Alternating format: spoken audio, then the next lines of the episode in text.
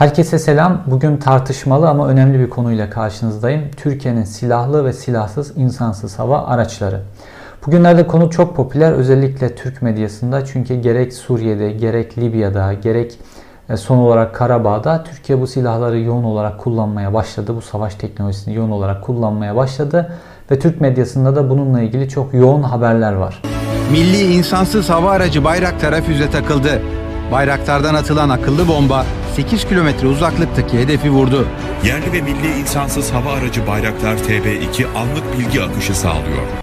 Peki gerçekten özellikle Tayyip Erdoğan'ın damadının sahip olduğu Baykar Holding'in e, silahsız ve silahsız insansız hava araçları mucize eseri olacak kadar yüksek teknoloji ürünü mü? Ne kadar dışa bağımlı, gerçekten söylediği gibi ilk ve tek yerli, %100 yerli ve milli insansız hava araçları mı? Bununla ilgili bilgilendirici, tamamen objektif, konuya tarafsız biçimde bakan bir video yapmaya çalışacağım. Bu konularda tarafsız video yapmak çok zor YouTube ortamında. Çünkü gerek bu konuda gerekse de yerli otomobil konusunda hükümet YouTuber'lar üzerinden etkinin kurulabileceğini keşfettiği için YouTuber'ları paraya boğdu. Özellikle yerli otomobil e, videosunda, yerli otomobil videolarında sponsorsuz çekilen bir video olduğunu çok zannetmiyorum. Bütün o büyük bildiğimiz otomobil YouTuber'larının hepsine e, önceden paralar ödendi ve onların hepsi de normalde kritik etmeleri gereken otomobili, sorgulamaları gereken otomobili sorgulamadılar. Kendi izleyicilerine bir anlamda e, haksızlık etmiş oldular. Şimdi bu Bayraktar konusu da e, Türkiye'de üzerine objektif olarak konuşulabilecek konuların dışına çıkartılmış durumda. Birincisi Tayyip Erdoğan'ın ailesiyle ilişkili bir konu. İkincisi de bu konuda herhangi bir normal bir savunma sanayi uzmanının yapacağı eleştirileri yaptığınız zaman bir anda vatan haini damgasını yiyorsunuz. Dolayısıyla da gerçekler anlatılmıyor. Fakat gerçekler anlatılmayınca ne oluyor? Gerçeklerin anlatılmaması gelişimin önündeki en büyük engel.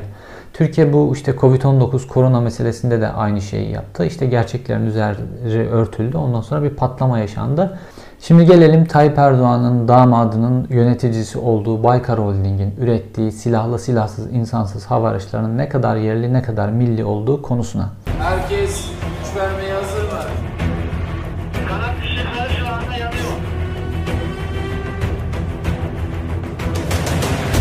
Önce bu ihtiyaç nereden doğdu? Bunu bir anlatmamız lazım. 2007 yılında Türkiye çok trajik bir e, olay yaşadı. Türkiye'de travma oluşturan bir olay yaşadı. Dağlıca Karakolu e, PKK'lılar tarafından basıldı ve 16 tane Mehmetçik şehit edildi orada. Ve PKK e, bu baskını tamamen de kayıt altına almıştı ve YouTube ortamında bu baskının görüntülerini yayınladılar. 150 kadar PKK'lı e, ilerlemiş, Kuzey Irak'tan Türkiye'ye girerek ilerlemiş, karakolu kuşatmış. Oradaki Mehmetçikleri tamamen çaresiz e, vaziyette bırakmışlardı. Bu konu çok tartışıldı. 150 tane PKK'lının intikali nasıl olur da tespit edilemez bağlamında özellikle. Ben o zaman Dağlıca Karakolu'nun komutanı daha sonra işte Türk Silahlı Kuvvetleri'nden ayrılmak zorunda kaldı. Beni ofisimde o zaman ben haber müdürüydüm Ankara'da Star Gazetesi'nde. Ziyaret etmişti ofisimde beni. Ve ben de sordum bu soruyu nasıl tespit edemediniz?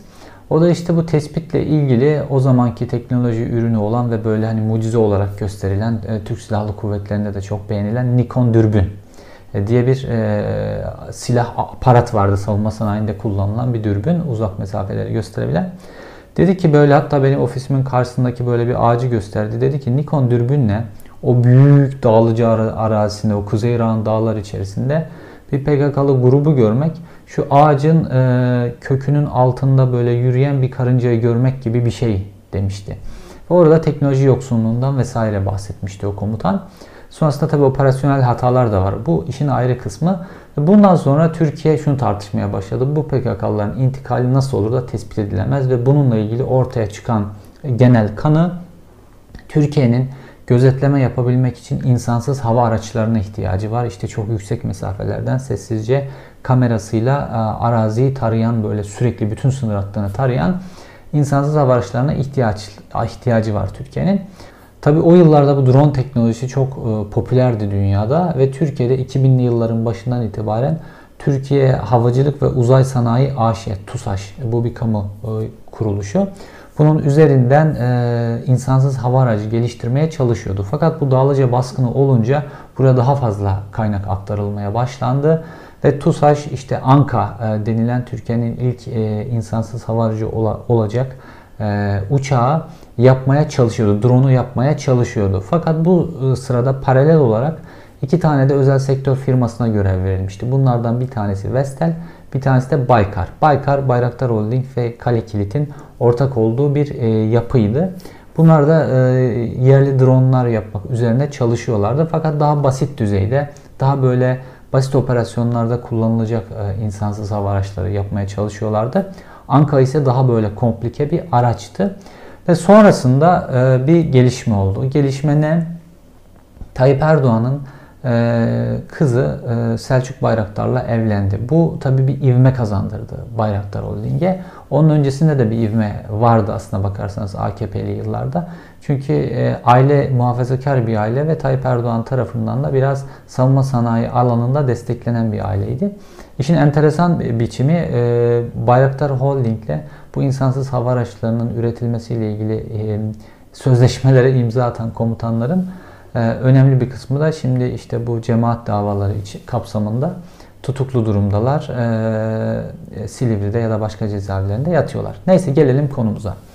Şimdi bir anda Tayyip Erdoğan e, bu Baykar'ın e, önünü açtı ve Türkiye'nin o Anka projesi baskılanmaya başlandı yavaş yavaş. E, kamunun üretmeye çalıştığı o insan savarcı projesi baskılanmaya başladı ve Baykar Holding'in önü çok açıldı. Yani o da sonuçta özel sektör firması ama Türkiye'nin bir firması olabilir, desteklenebilir, daha hızlı belki bazı şeyler yapabilir. Kabul. Fakat Türk Silahlı Kuvvetleri'ne çok hızlı envantere e, alımlar yapılmaya başladı ve bu alımlar yapılırken de Bayraktar Holding'in, e, Baykar Holding'in internet sitesinde bir bir ibare görmeye başladık. Türkiye'nin ilk yerli ve milli insansız hava aracı diye. Şimdi Anka tamamen e, hiç yokmuş gibi davranıldı bu durumda. Peki ne kadar gerçekten yerli ve milli? Şimdi size bir istatistik vermek istiyorum. Şimdi AK Parti öncesinde savunma sanayi alanında faaliyet gösteren özel sektör firması sayısı 56. 2019 sonu itibariyle 1436. Şimdi 56 nere, 1436 nere? Hani AK Parti ya da herhangi bir iktidar savunma sanayi alanına yatırımları arttırabilir, alımları arttırabilir. Bu şekilde bir gelişmeler olur ama bütün dünyada teknoloji alanında özellikle çok insan yetiştirmekle ilgili bir şey çünkü. Üniversiteler açmak, orada bölüm açmakla ilgili bir şey. Yani savunma sanayi alanında böyle bir zıplama yapmak için o yaptığınız yatırımlar işte %3'ler, 5'ler, 10'lar, 15'ler, 20'ler oranında döner. Şimdi 56 şirketten 1436 şirkete çıkmak çok büyük bir patlama. Peki bu patlama nasıl oldu? Bu patlama şöyle oldu. AKP bir yasal düzenleme yaptı ve savunma sanayi alanında yapılacak alımlarda %51 yerlilik şartı koşan bir yasal düzenleme yaptı. Ve tabi bir anda AKP'li e, önemli insanların, çocuklarının hepsi savunma sanayi alanında şirketler kurmaya başladılar. Ve bu şirketler e, kurmaya başlayınca da kamuya bunlar satış yapmaya başladılar. Fakat nasıl oldu bunlar? Bunlar e, bu aletleri normalde eskiden bu savaş aletlerini, savaş mühimmatı, araç gerek ne kadar ihtiyacı varsa Türk Silahlı Kuvvetleri işte bu savunma sanayi fonu üzerinden ve işte TUSAŞ gibi vesaire kurumla özel kuruluşlarının, bağlı özel kuruluşlarının üzerinden ithal ediyordu. Doğrudan ithalciydi. Bu sefer araya o AKP'li firmalar geldi, girdiler ve sanki yerli üretim yapıyormuş gibi onlar ithal edip e, etiketler vesaire değiştirilip onlar TSK'ya satmaya başladılar. Üzerlerine işte %20-25 karlar konularak bir anda bu nedenle 56'dan 1436'ya fırladı özel sektör firması. Oysa hani e, üniversitelerde, ARGE birimlerinde filan öyle bir patlama olduğu yok. İşte Baykar Holding'de Türk Silahlı Kuvvetleri'ne bir anda dronlar satmaya başladı. Fakat drone teknolojisinde 3 tane kritik e, parça var. Bunlardan bir tanesi motor, bir tanesi optik kamera dediğimiz e, sistem ki hedefleme sistemi de bu kameranın içerisinde. Ve bir diğeri de e, uzaktan kontrol sistemleri. Şimdi uzaktan kontrol sistemleri iki şekilde oluyor. Bir radyo sinyali dalgalarıyla bu verimli bir şey değil çünkü drone ilerledikçe o drone'a radyo sinyalini e, iletebilecek alanda başka ara e, sinyal ileticiler koymanız gerekiyor. Onların güvenliğini nasıl sağlayacaksınız? İkincisi de uydu üzerinden kontrol sistemleri. Şimdi Türkiye Baykar Holding'in böyle patlama yaptığı dönemde Türkiye böyle uydu üzerinden e, insansız hava araçlarını kontrol edebilecek sistemlere sahip değildi. Bunlar Türkiye tamamen dışarıdan ithal ediliyordu. Diğer iki kritik parça motor ve kamera sistemleri. Şimdi e, uydu sistemleri, motor ve kamera sistemlerinde Baykar Holding yerli teknoloji üretmiyor, üretemiyor. Şimdi böyle bu üç kritik teknoloji. Onun dışında işte yazılımı var, e, işte o kompozit gövdesi var, pervanesi var vesaire. Şimdi bu üç kritik teknolojiyi üretemiyorsanız ne kadar bu teknolojiyi üretiyorsunuz, ne kadar yerli, ne kadar milli. Şimdi motorundan başlayalım önce isterseniz. Bayraktar'ın e, Karabağ ve Libya'da kullanılan ünlü TB2 modeli. TB2 de Avusturya'da üretilen Rotax 912 AS diye bir motor kullanılıyor. Akıncı modelinde ise Bayraktar Akıncı modeli bu yeni çıktı. Daha popüler böyle belgeseli falan da yapıldı. Bu model İHA'da ise e, Ukrayna'dan ithal edilen Ivshenko Progress motor kullanılıyor. Turbobob bir e, motor. Dolayısıyla e, iki Bayraktar'ın iki önemli modelinde kullanılan motor da tamamen ithal. Yani yeni bir Bayraktar yapabilmek için bu motorlara ihtiyacınız var. Bu motorları ithal etmeye ihtiyacınız var. Peki kamera teknolojilerinde durum ne? Bayraktar'da kullanılan kamera teknolojileri şu anda e, Amerikan Kanada e, ortak şirketi olan e, L3 Harris Teknoloji denen bir firmadan ithal ediliyor. Westcam MX15 HD diye bir kamera sistemi kullanılıyor. Bunun dışında Türkiye'de kullanılan dronlarda Alman Hensoldt'tan Goshawk 2 diye bir kamera sistemi ithal edilmişti. Yine Amerika'dan MX-15 FLIR kamera denen bir e, sistem ithal edilmişti. Ama genel olarak Baykar Holding'in kullandığı kamera sistemi Kanadalı yapın, yapımcı Westcam'ın elektrooptik EQ kızılötesi ve IR e, kamera sistemlerini kullanıyor.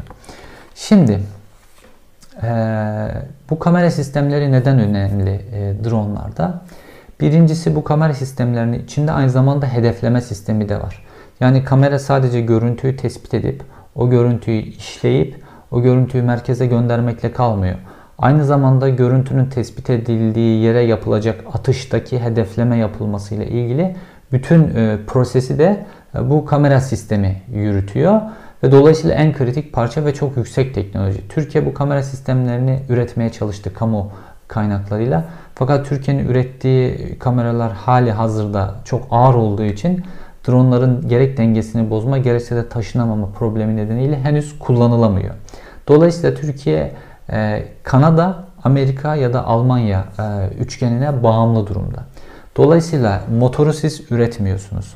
Uydu kontrol sistemini siz üretmiyorsunuz. Kamera sistemlerini, hedefleme sistemlerini siz üretmiyorsunuz. Bu ne kadar yerli milli, ne kadar böyle mucize olarak adlandırılabilir. Ee, yani böyle bir e, drone üretiyorsunuz ve savunma sanayinizin bel kemiğini neredeyse bu drone'a bağlıyorsunuz. Libya, Suriye, işte en son Karabağ'da vesaire bu dronlara güvenerek bazı operasyonlar içerisine giriyorsunuz. Sonra kamuoyuna dönüp diyorsunuz ki ben %100 bunu yerli ve milli üretiyorum. İşte bu yalan oluyor. Kamuoyuna gerçeği söylemeniz lazım. Bu drone teknolojisi Türkiye için, insan savarcı teknolojisi Türkiye için e, önemliydi. Neden? İşte güvenlik açısından gerek e, Kuzey Irak'ta gerek e, işte PKK'ya karşı mücadelede önemli bir e, ihtiyaçtı ve Türkiye bunu tedarik etmenin yollarına girdi. İlk tedarik yöntemi neydi? Heron. Heronlar İsrail'den satın alınan ve kiralanan Heronlardı. Halen daha Türk Silahlı Kuvvetleri 10 adet Heron kullanıyor. Fakat isimlerini değiştirip Gözcü 1 yaptılar. Gözcü 1 ismiyle kullanılıyor. Sadece isimler değişti. Ve İsrail ile o yıllarda da e, işte o 2007'li yıllarda da savunma sanayi alanında çok güçlü işbirliği vardı.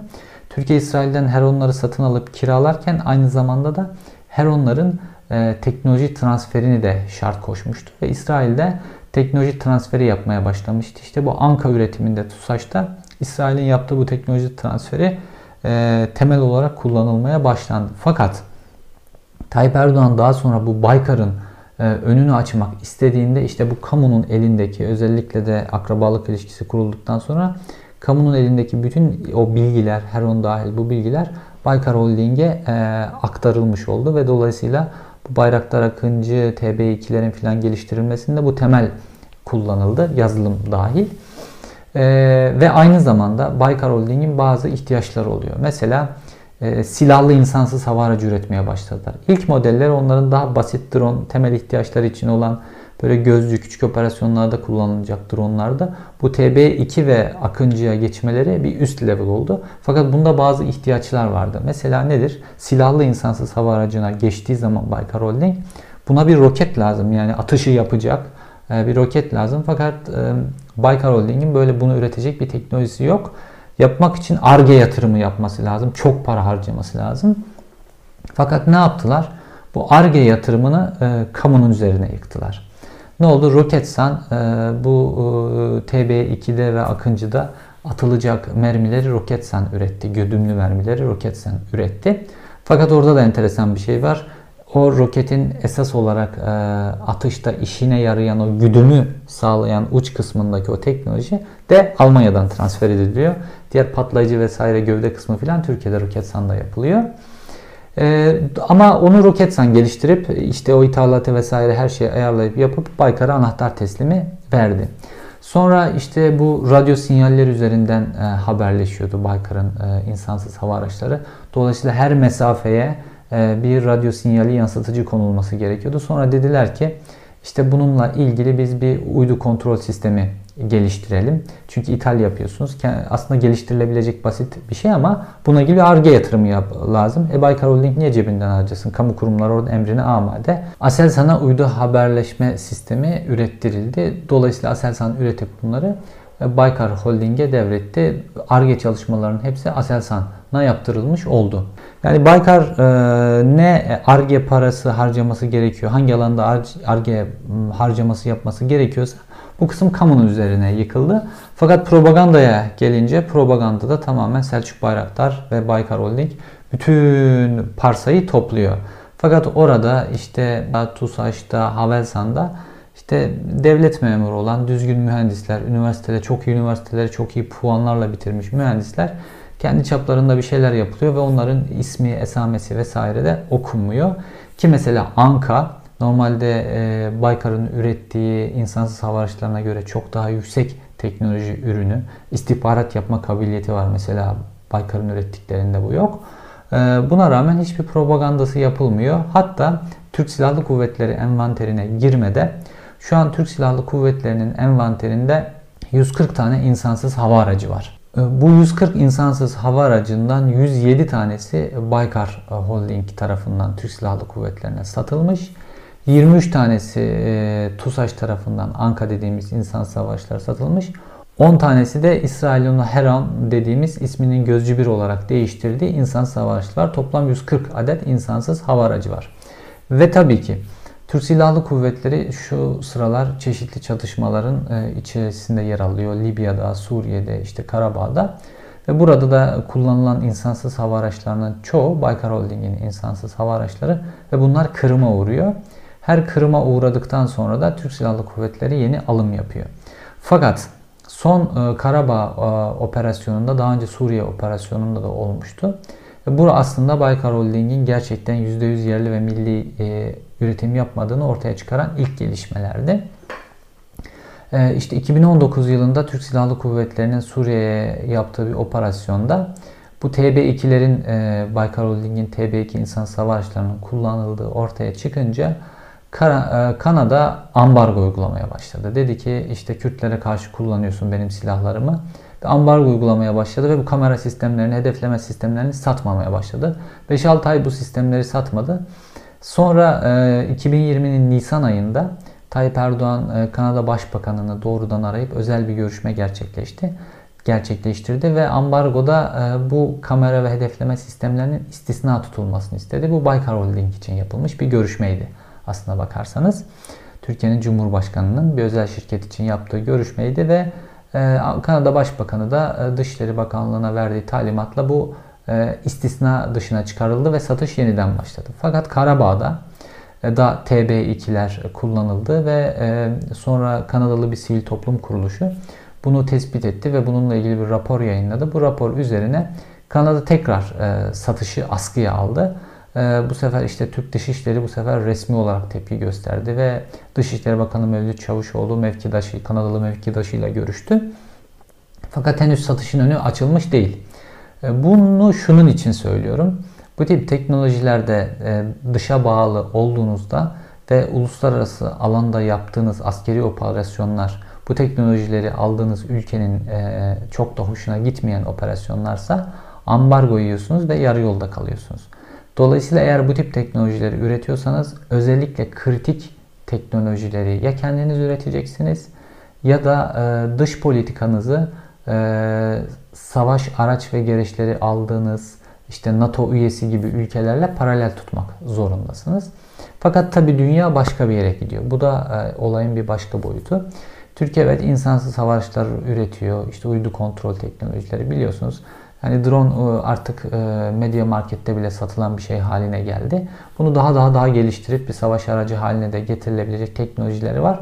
Ve bu teknoloji parçalarını da dünyanın farklı yerlerinde toplayıp bir araya getirip bir şey çıkartabilirsiniz. Fakat dünya başka bir yere gidiyor. O nedir? İşte şu an e, insansız hava araçları gerçekten insansız hale getiriliyor. Yani yerde onu artık kontrol eden bir mühendis de yok. Ki bunun ne kadar önemli olduğunu Libya Savaşı'nda gördük. Libya'da Şubat ayında e, iki tane Türk mühendis e, düzenlenen saldırıda hayatını kaybetti. Bir drone mühendisi yetiştirmek oldukça pahalı bir e, prosedür. Fakat Amerika Birleşik Devletleri şu an yapay zeka ile tamamen hareket eden, yerden bir pilot tarafından da artık kontrol edilmeyen dronlar üretti. Ve bunlar Afganistan'da da yer yer kullandı. Yani drone'un kendisi söz konusu kişinin işte terörist bir grup olduğuna karar veriyor ya da düşman olduğuna karar veriyor yapay zekayla ve kendisi ateşleme yapıyor. Kendisi iniyor, kendisi kalkıyor. Görev alanını çiziyorsunuz vesaire. Ee, onun görev alanı yakıtı bittiğinde o iniyor. Yenisi onu hemen kontrol için önden çıkıp alanı hiç boş bırakmıyor vesaire. Böyle bir yapı. Artı anti-drone teknolojileri de dünyada gelişmeye başladı. İşte bu Rusya'da var, Çin'de var, işte NATO üyelerinin pek çoğunda, büyük devletlerin hepsinde var. Dolayısıyla şu an Türkiye'nin sahip olduğu dronlar bu anti-drone teknolojisini aşabilecek dronlar değiller. Hatta bu Libya'da Türkiye dronları çok kullanınca hem Rusya tarafından hem Çin tarafından hem de Birleşik Arap Emirlikleri tarafından Türkiye'nin karşı cephesindeki güce anti-drone teknolojisi verildi ve burada bir gerileme olmaya başladı.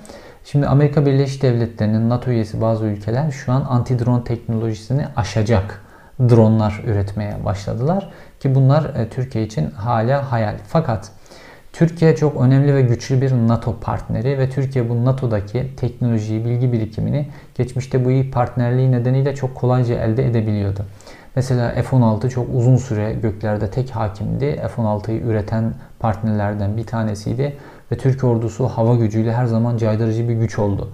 Fakat şimdi F-35'e geçiliyor. Fakat işte saçma sapan gerilimlerle Amerika Birleşik Devletleri ile olan şu an biz F-35 e, projesinden çıkartılmış durumdayız ki F-35'ler tamamen ülkeler sahip olduklarında çok uzun süre F-35'e sahip olan ülkeler e, hakim güç olacaklar. Mesela Türkiye biliyorsunuz Yunanistan'la çok sık e, it yapıyor, yaşıyor Ege'de. Yunanistan tarafında da F-16'lar var, Türk tarafında da F-16'lar var. Türk tarafını öne çıkaran şey pilotlarının daha iyi eğitilmiş olmasıydı. Türk Hava Kuvvetleri'nin gücü nedeniyle ve Türk Hava Kuvvetleri ile de e, bu eğitim e, işbirliğini yapan Amerika Birleşik Devletleri'ydi. Fakat Amerika Birleşik Devletleri şimdi bu eğitim alanında partnerliğini değiştirdi ve Yunanistan'la partnerlik yapmaya başladı ve Yunanistan'da hava üssü kurdu. Ee, ve e, şimdi F-35'ler Yunanistan envanterine girecek ve bu F-35'lerin pilotlarını Amerika Birleşik Devletleri eğitecek.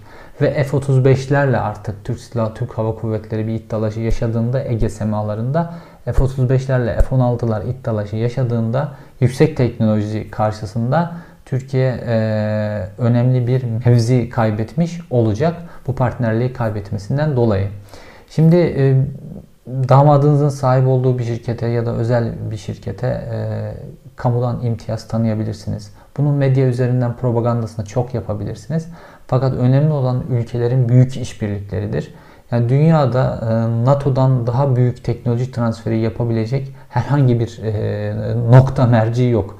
Türkiye'nin esas olarak yoğunlaşması gereken yer NATO ve NATO'daki teknolojiyi transfer etmek ve F-35'ler bu TB2'lerden, Akıncılardan, Ankalardan filan çok çok çok daha kritik bir teknoloji. Türkiye bu şu an esas onu kaybediyor. Özetleyecek olursak drone teknolojisi şu an dünyada önemli bir teknoloji. Özellikle küçük çatışmalarda, çatışmaların belli alanlarında kullanmak için çok önemli bir teknoloji. Türkiye'nin de işte Irak sınırını, bu dağlık sınırlarını koruyabilmesi için e, insansız hava aracı, silahlı silahsız insansız hava araçlarına sahip olması gerekiyor askeri açıdan. Fakat e, bunun e, propagandası ya da bununla ilgili gerçekler önemli. Evet Türkiye geçici bir çözüm olarak şu an işte Kanada'dan e, optik sistemler ithal ederek, Ukrayna ve Avusturya'dan motor ithal ederek kendi dronlarını bir biçimde yapıyor. Fakat esas olan bu teknolojiye yatırım yapmak, üniversitelere yatırım yapmak, bu üniversitelerin, Türkiye'nin en güzide üniversitelerine bu yandaş rektörler vesaire atamayı bırakarak Türkiye'nin gerçekten bu alanda teknoloji üreten bir ülke olması gerekiyor ki bu drone alanında da bağımsız bir ülke olabilsin. Drone alanında işte o Baykar Holding'in sitesinde yazan e, yerli, milli gerçekten dronları üretebilsin. Dediğim gibi şu an Baykar Holding ile ilgili, Baykar Holding'in dronları ile ilgili gerçek şu ki kamera, optik hedefleme sistemleri ithal, motor ithal, uydu haberleşme sistemleri şimdilik ithal. Dolayısıyla 3 kritik e, parçada ithal ediliyor. Dolayısıyla Baykar Holding şu anda dışa bağlı bir kurum. Ee, aynı zamanda e, TUSAŞ'ın ürettiği Ankara'da da durum aynı. Ankara'da kullanılan kamera sistemleri de aynı biçimde Kanada'dan ithal ediliyor. Dolayısıyla Ankara'da dışa bağımlı bu yönüyle. Ankara'nın sadece bazı istihbarat özellikleri var eklenmiş olan. Onlar yerli imkanlarla üretildi. Bunlar önemli özellikler. Fakat yerlilik millilik hikayesinde durum budur. Ee, bunu aslında savunma sanayi alanındaki gazetecilerin hemen hepsi biliyorlar. Fakat işte Selçuk Bayraktar televizyon yayınlarına çıkartılıyor ve tamamen çanak sorularla karşılaşıyor. Oysa ki gazeteciler doğru sorular sorsalar, savunma sanayi alanında yayın yapan e, YouTube kanalları, savunma sanayinde yayın yapan e, yayıncılar doğru düzgün kamuoyunu bilgilendirseler, kamuoyu Türkiye gerçekleri daha iyi öğrenecek ve bu teknolojilerin geliştirilmesi için daha çok baskı oluşacak hükümet üzerine. Çünkü Dağlıca Karakolu baskınında o zaman bağımsız bir medya vardı ve Dağlıca Karakolu baskını diğer karakol baskınları gibi kapatılamadı. Ve Dağlıca Karakolu baskını bütün yönleriyle ve bütün çıplaklığıyla medyada yayınlandı ve medyada yayınlandıktan sonra e, hükümet üzerine, e, Türk Silahlı Kuvvetleri üzerine bu 150 tane PKK'lı gelirken nasıl görmediniz baskısı oluştu. Ve ondan sonra Türk Silahlı Kuvvetleri bu teknolojiye sahip olabilmek için iştahlı hale geldi.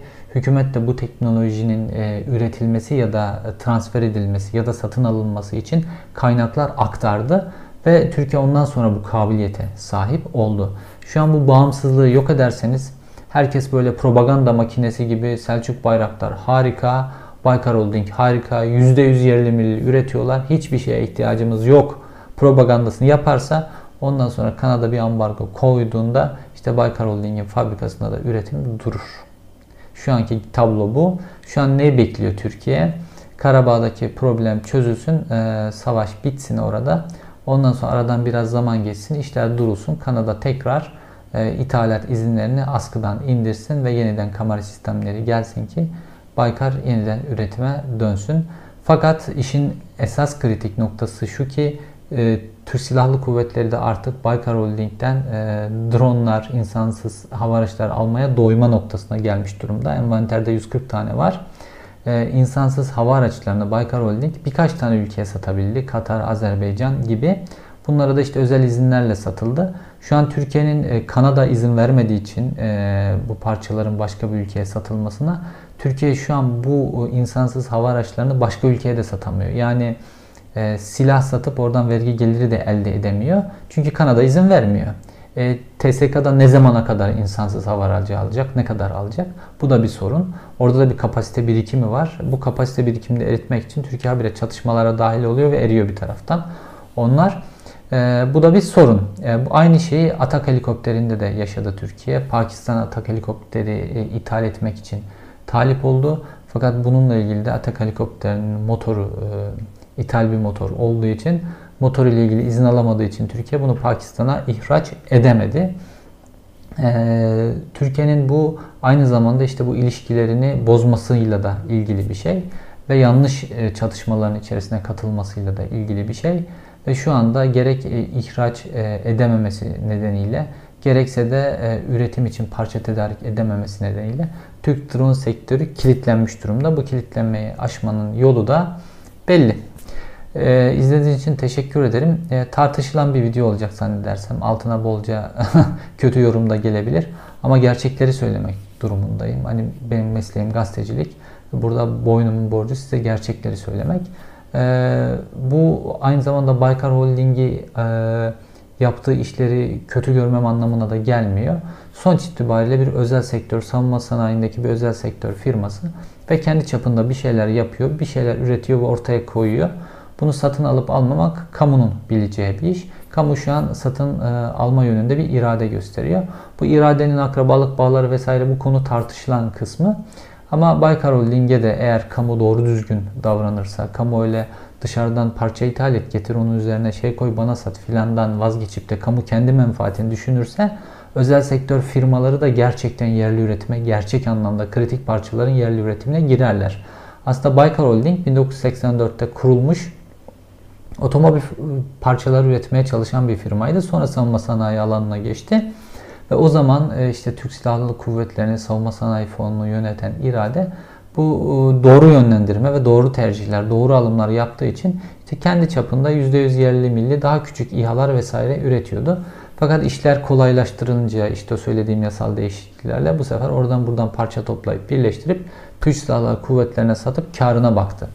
İşte kamu kendi e, gücünü, kendi çıkarlarını düşünüp özel sektöre de böyle şeyler yapmamalı. Yoksa zaten e, TUSAŞ'ta çok daha iyi e, insansız hava araçlarını e, yine parçaları dışarıdan ithal ederek Türkiye zaten montaj yapabilir. F-16 montaj hattı olan bir ülkeden bahsediyoruz sonuçta.